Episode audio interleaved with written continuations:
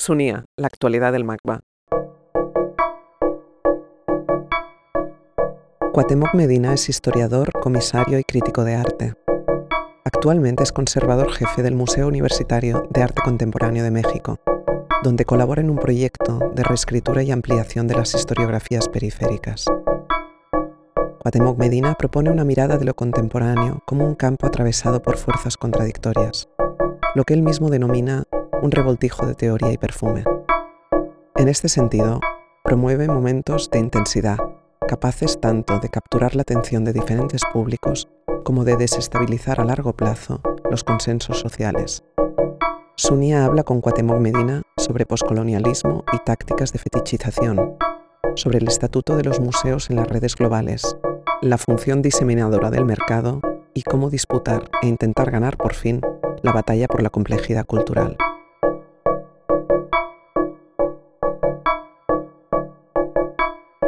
En prácticamente cualquier ciudad que quiere ser parte de una red de ciudades del capitalismo global, una de las instituciones que hay que crear, aparte del aeropuerto, es un museo de arte contemporáneo.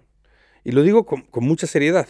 Cualquier urbanismo del futuro se va a topar con, con esa condición. Del mismo modo que la invención del capitalismo nacional del siglo XIX incluía cosas como, como bibliotecas o las del eh, capitalismo industrial, estadios y canchas de fútbol. Entonces, casi cualquier lugar que quiere participar en esas redes construye un museo de arte contemporáneo y cuando construye quiero decir materialmente. O sea, la cosa edificio es importantísima porque se vuelve una especie de contrato. Secuestra a los políticos y a, los, a la sociedad y a los ricos locales a mantener un, proyecto y al mismo tiempo proyecta a, esa, a ese circuito que antes era bastante secundario, marginal o, se traslapaba con otros a una especie de centro simbólico en un lugar, ¿no? Entonces, estamos en el MAGBA, que es eso. Sin embargo, es extremadamente importante quién es Mefistófeles, quién hace el contrato. En una ciudad, el Museo de Arte Contemporáneo es el producto de una nueva clase plutócrata, o si es el resultado de una refuncionalización de, de, las estructuras de un Ministerio de Cultura centralizado, o si es el efecto de una Olimpiada, todo eso enfila esta institución en alguna, en alguna dirección. Es interesante que en México ese paso lo diera la universidad. Por un lado habla de una historia eh, muy, muy, muy particular en donde la Universidad Nacional Autónoma de México ha sido una especie de segundo ministerio de cultura en el país, con la función simbólica de ser precisamente el suplemento o el alojo disidente del el proyecto de la cultura oficial pública. Las circunstancias por las que se da esa fundación o refundación son muy, muy, muy, muy interesantes. En el año 2000, los votantes decidieron o decidimos dar el salto al vacío de arrojar al Partido Único, Partido Revolucionario Institucional que gobernaba al país desde 1929, al tacho de basura y en ese momento, por algo que llamamos el voto útil, elegimos a un personaje extremadamente problemático eh, que había sido empresario de la Coca-Cola y representaba el eh, carácter rudimentario y absurdo del, capitalismo nuevo en México, que se llama Vicente Fox. Y el aparato cultural nacional empezó a tener tropiezos. La derecha en México no sabe, no sabía y no sabrá nunca qué hacer con el, el campo cultural.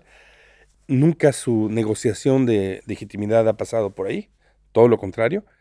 Y al mismo tiempo, su cacofonía hace que su presencia se vuelva inmediatamente escandalosa y tortosa.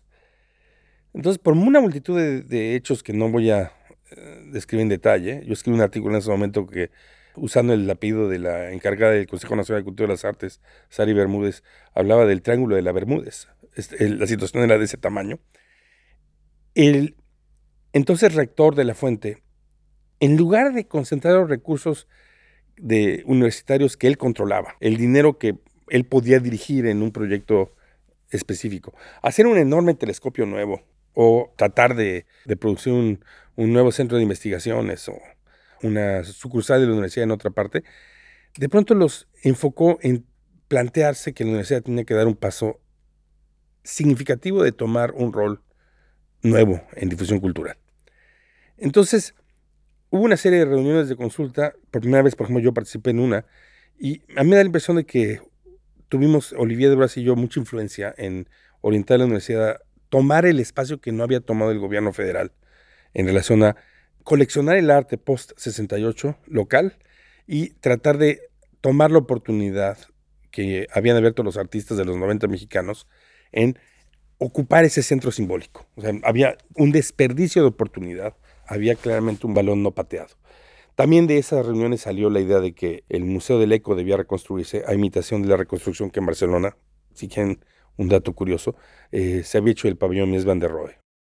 El punto es que en ese momento hubo un viraje y contrataron a Graciela de la Torre, que venía del Museo Nacional de Arte, museo que había conducido con los historiadores locales un proyecto muy largo y muy fructífero de revisionismo histórico del arte en México. Había hecho de ese museo un centro de investigación y de invención histórica muy notable para conducir ese, ese proyecto con un modelo de, inversión mixta. Pero ciertamente en esa construcción lo que ocurre es que hay la proyección de un museo que en lugar de estar mirando hacia adentro de la universidad, está queriendo mirar hacia afuera, que está, como en todas estas instituciones alrededor del mundo, apelando a una intersección de recursos privados neoliberales y gubernamentales, el cambio de geografía para localizar ese museo en el Centro Cultural Universitario era importante porque lo sacaba del área escolar, cosa que yo lamento, porque el antiguo Museo de Ciencias y Artes de la UNAM estaba junto a las facultades, pero al mismo tiempo lo, ofrecía a lo que estos museos son. Los museos de arte contemporáneo del mundo también son parte de la arquitectura de un cierto consumismo, de, de un campo aspiracional por eso son blancos o de concreto con grandes vidrieras, porque proyectan una especie de ideal higiénico y geométrico, moderno y, desligado de, pesos decorativos del pasado, que pareciera como anunciar un nuevo modo de vida, cosas que generalmente son valores de clases medias ilustradas, profesionales, ¿no? Desde su fundación el museo ha estado tratando de habitar la pregunta que no está resuelta en algún manual copiable del norte de qué puede ser ser el museo, digamos, dominante de una escena cultural de arte contemporáneo y ser universitario. esa, esa, peculiaridad arrastra un poco su historia. El hecho de que a mí me invitaran hace tres años y fracción, casi tres años y medio, a ser el curador en jefe, es una fase de esa búsqueda. Ha habido varios modelos que en sus distintas opciones han querido evitar esa, esa, esa idea. Yo lo que propuse y, y, hasta la fecha he estado conduciendo es la idea de asumir muy a fondo la idea de que esta es una intersección. A mí me importa mucho que un museo de arte contemporáneo debe estar apelando a crear, reclutar y formar públicos. Eso implica que tiene que ser un museo que en la medida de que no se vuelva tiránico, debe también atraer gente, que debe buscar pescar gente. Y por otro lado, este es un lugar en donde, debido a la naturaleza de la colección que se ha estado formando, la pregunta de cuál es la narrativa del arte en, desde y en relación a México se tiene que plantear. O sea, un museo que está llevando a cabo de manera constante la negociación, la revisión, la documentación, la, formulación, la canonización de las narrativas que atraviesan esa localidad. Ciertamente algo que atraviesa el museo es la pregunta de cómo transformar el canon. Entonces, a partir de la colección de archivos, que son archivos realmente históricos, no son solamente archivos de materiales, sino son conjuntos de obras, se han llevado ciertas exposiciones que tratan de por ejemplo, localizar lo mismo a Paula Weiss, que es la primera videoasta de importancia en el país, que aún director de teatro de vanguardia, cuyo mérito más ostensible es haber sido perseguido por cuatro policías políticas en los años 70 en distintos países, eh, que es Juan Carlos Ubiedo, y que, cuya historia, precisamente por esas persecuciones, había sido efímera e imposible de detectar y, y de formular. También nos ha importado mucho el tratar de situar el museo en una posición de mostrar la relación de la práctica contemporánea con el activismo crítico sobre la, exclusión y la discriminación y la violencia, tanto de género como de, como de, raza. Y en eso es muy importante, creo yo, que nosotros estamos haciendo la primera revisión de conjunto curada por Karen Cordero de la artista activista feminista más importante de México, que es Mónica Mayer. Es, es muy difícil ver desde fuera de ese país o de América Latina, pero también desde dentro, el nivel en que el campo cultural ha sido formidablemente eficaz en reprimir la noción de feminismo. La alusión directa a una práctica feminista ha encontrado el silencio o la abjuración abierta de manera tan presente que en realidad es un campo que está todo por hacerse. El problema de una manera muy sencilla y, creo que está expuesto en, un par de lugares, es que eh, imaginar que uno puede llevar a cabo una puesta en valor de la cultura de la periferia y la cultura contemporánea por la vía de un proceso ilustrado, ordenado, justo y acordado, se estrella con la evidencia de la, de la realidad perpetuamente. No es por razonamiento que uno consigue que eh, se instale la validez de una cultura. Es por falla y por deseo. No es lo bueno lo, que produce posibilidades de intervención. Con frecuencia es el coraje y, los bienes. Todo esto pues, podría traducirse a una clave nichiana o espinociana, pero yo, yo, lo, yo lo veo de una manera mucho más agreste. Es muy importante entender que el campo cultural está construido por la ambición, por la erotización, por, por la vanidad, por la excitación, la pérdida de control, por la confusión. Y me parece muy difícil entender los discursos, los argumentos, las posiciones, tanto aquellas rancias de alta cultura como las que pueden venir, digamos, de una posición progresista, pero bien pensante, que asumen lo contrario, que, que, hablan desde un, no solamente desde un sujeto constituido, sino desde posiciones construidas en relación a nociones como el amor o la, o la justicia o la eh, hermandad.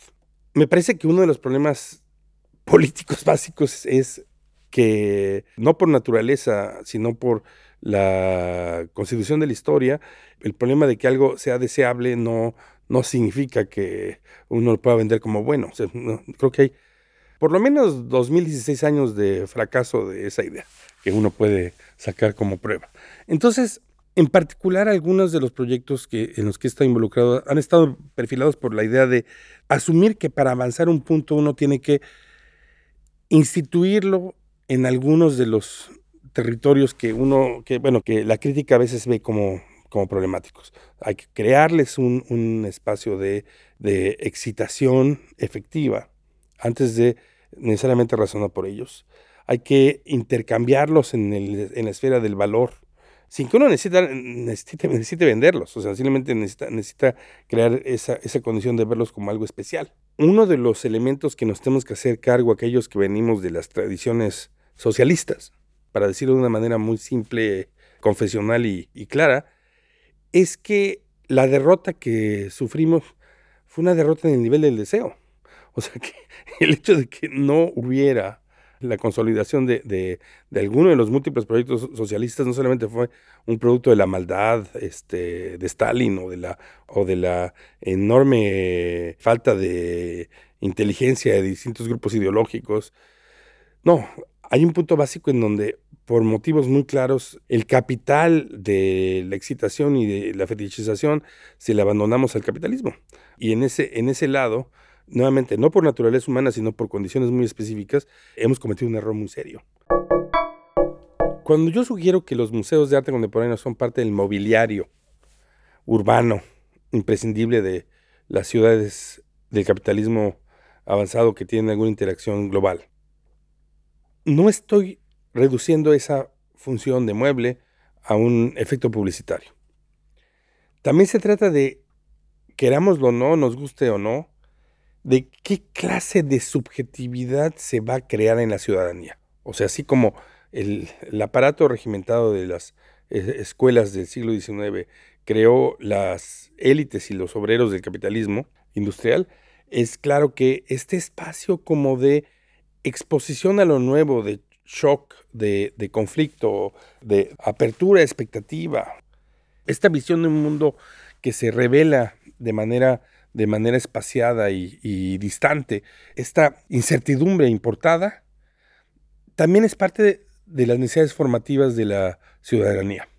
O sea, no es nada más lo que ellos desean, también es cómo colectivamente hemos decidido cómo formarnos. Y esto lo digo muy seriamente. O sea, yo creo que la función del museo como una institución educativa, en, sus aspectos tanto autoritarios como promisorios, no puede olvidarse en relación a cómo se crea el Museo de Arte Contemporáneo.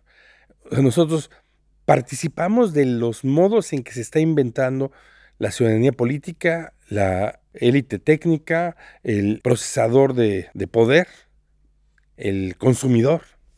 Por eso la importancia política de todas estas cosas. Por eso la necesidad de politizar la discusión de cómo, cómo operamos. Hay un nivel en donde a lo mejor la subjetividad del ciudadano contemporáneo tiene más que ver con la subjetividad del público del museo que la del el egresado universitario. Nos guste o no nos guste. Por eso no reduciría esto a tratar de transbordar el efecto Guggenheim Bilbao, porque el Guggenheim Bilbao, que es una manera de instaurar este modelo peculiar, tiene la peculiaridad de que es totalmente falto de propuesta, espacio y lugar para la educación de un ciudadano. Es la educación de un consumista apaciguado que de pronto se ve conectado con Gagosian, Gallery eh, en el lugar que no debería estar. O sea, hay, hay algo de esa institución que es tan monstruoso en que su función educativa es evitar la educación que probablemente podría haber politizado su existencia.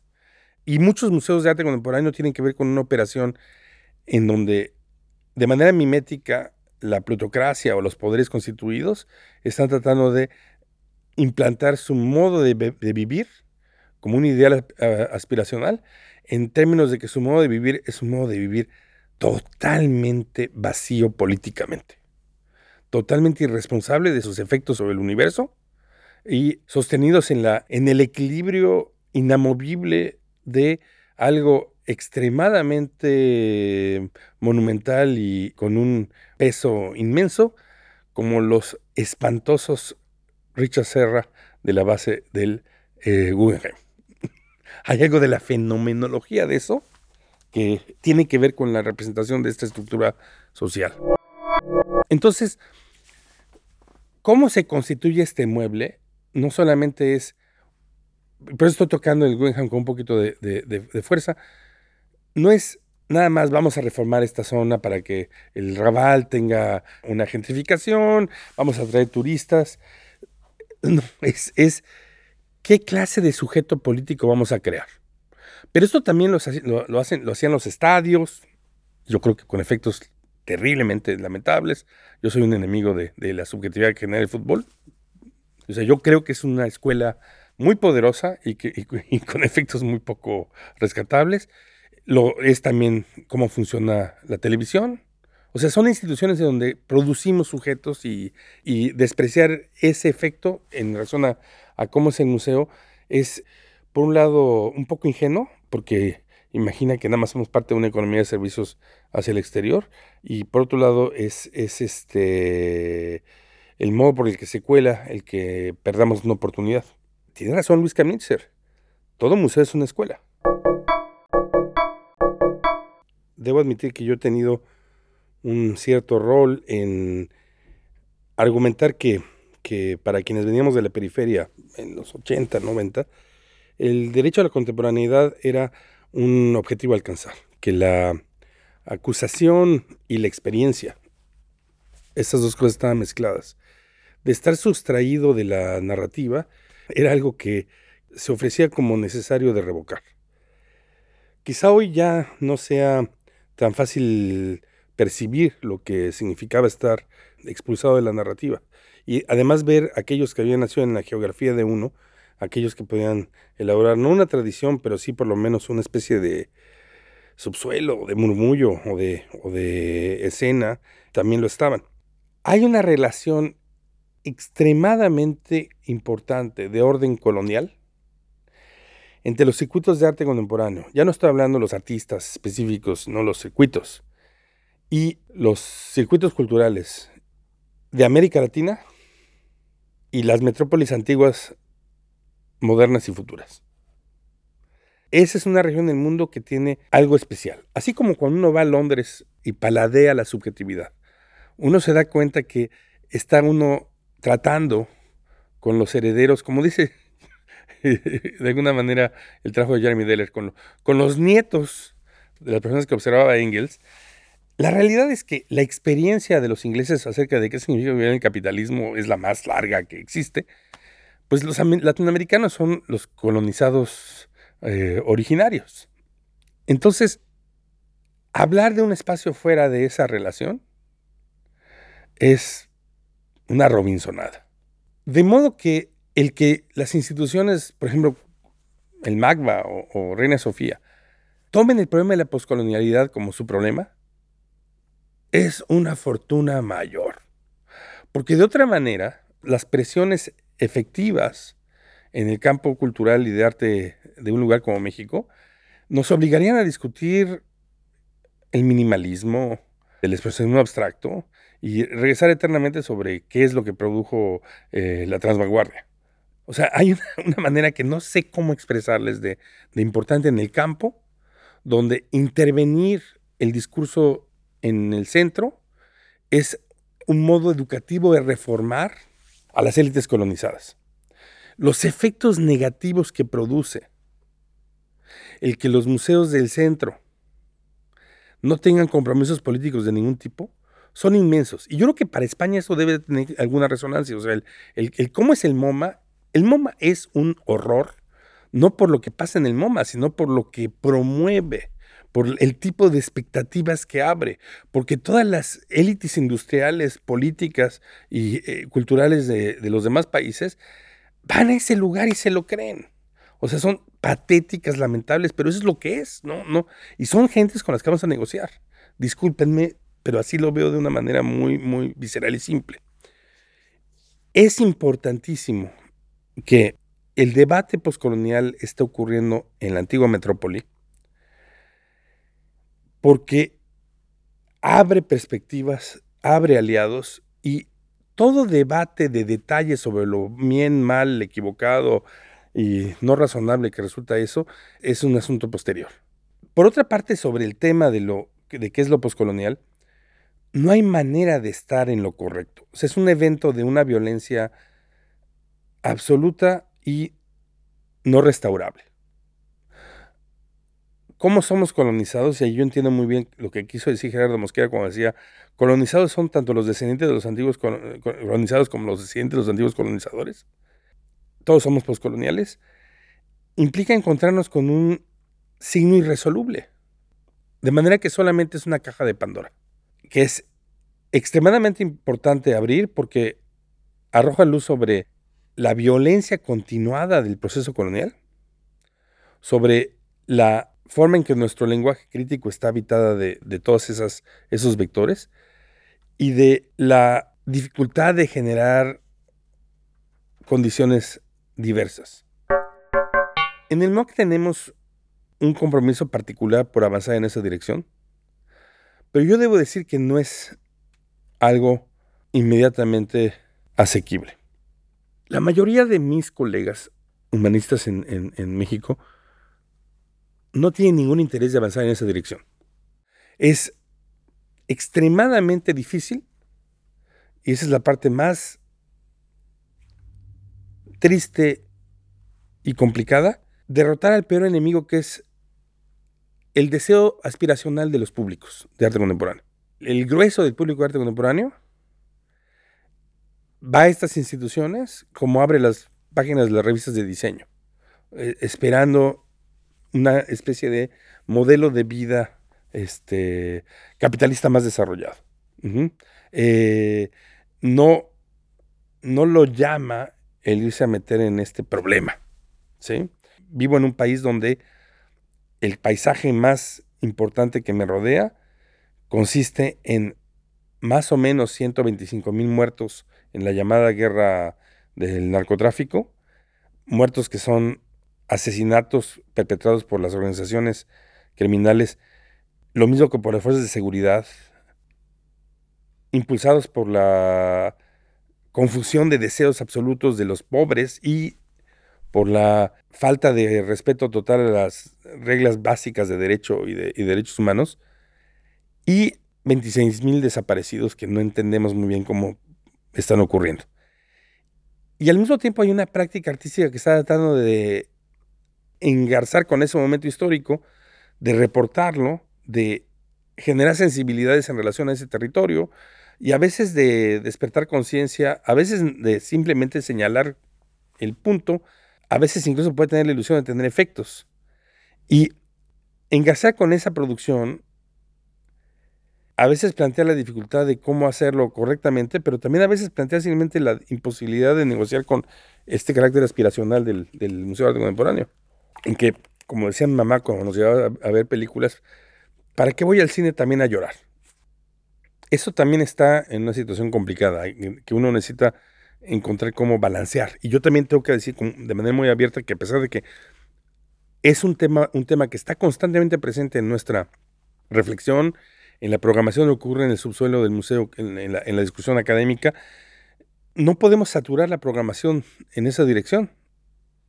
No nos lo permiten nuestros propios filtros y no nos lo permitiría el público, que vota con los pies. O sea, el, el público a veces se niega a ir al museo a seguir llorando.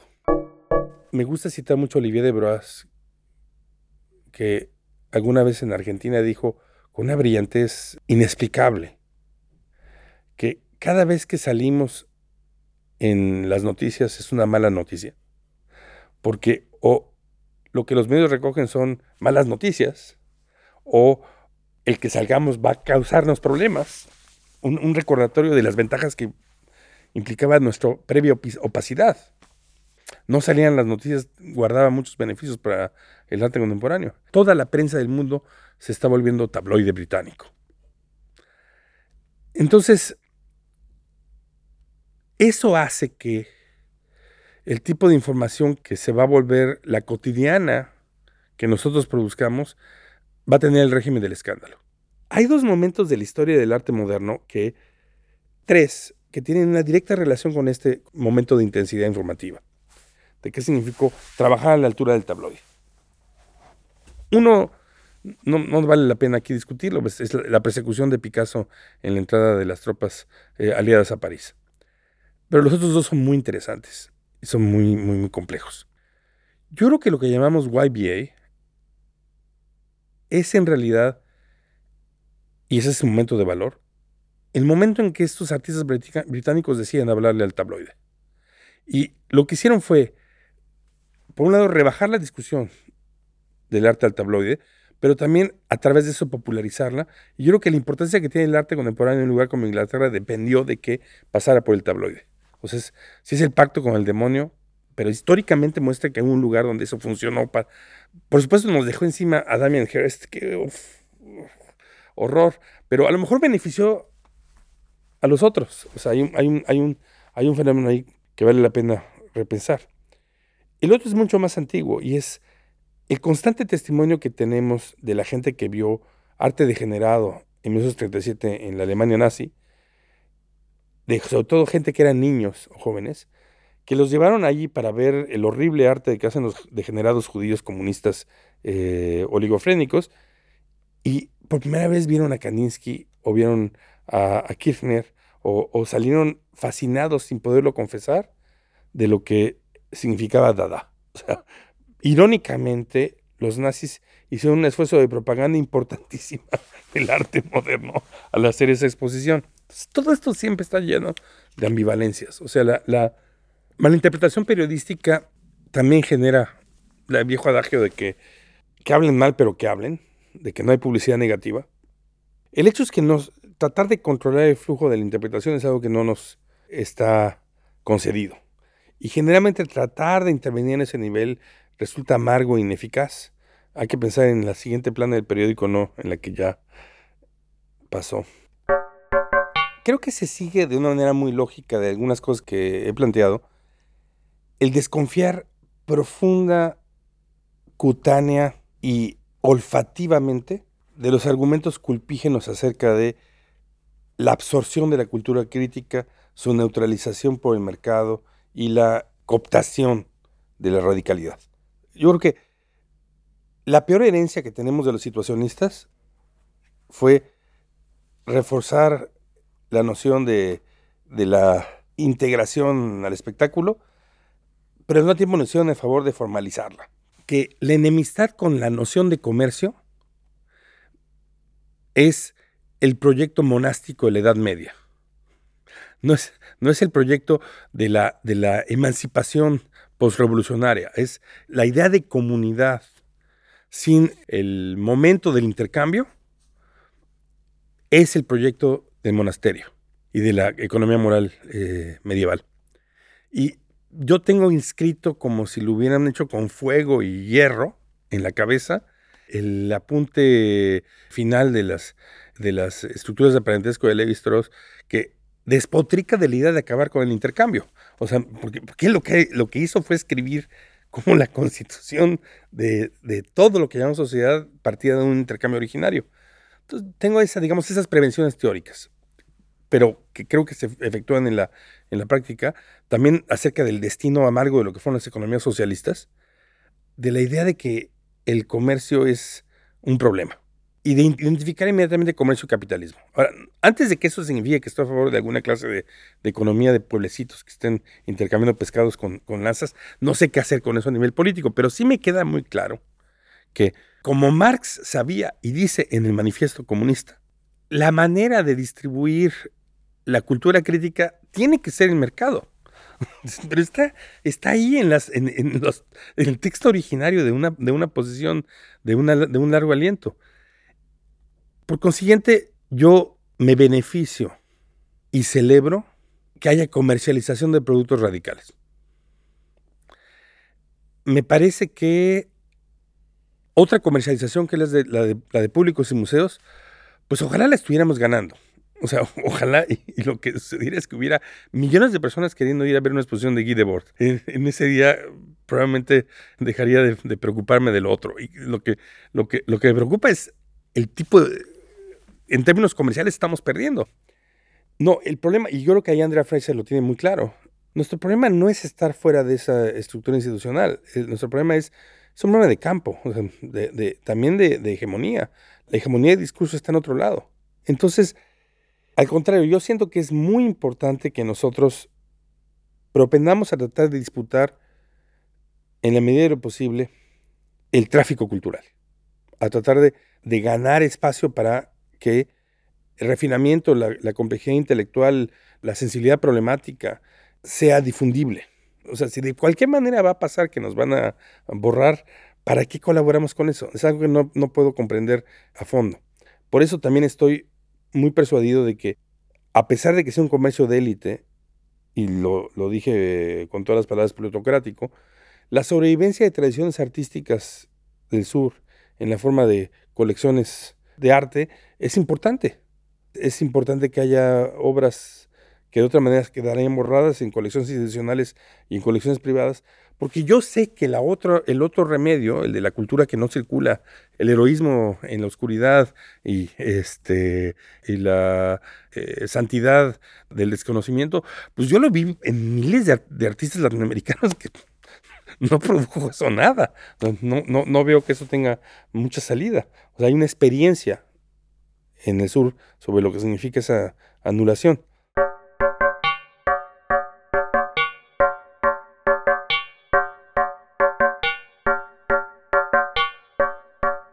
magba.cat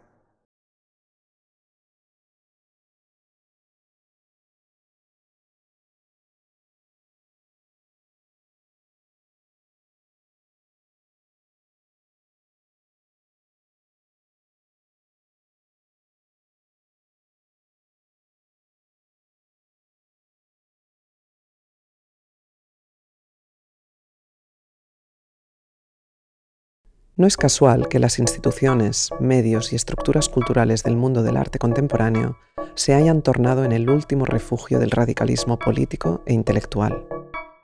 Al tiempo que diversas tradiciones de la izquierda parecen perder espacio en la arena política y los discursos sociales, y pese a la forma en que el arte se entrelaza con las estructuras sociales del capitalismo, los circuitos del arte contemporáneo permanecen como prácticamente el único espacio donde el pensamiento de izquierdas todavía circula como discurso público.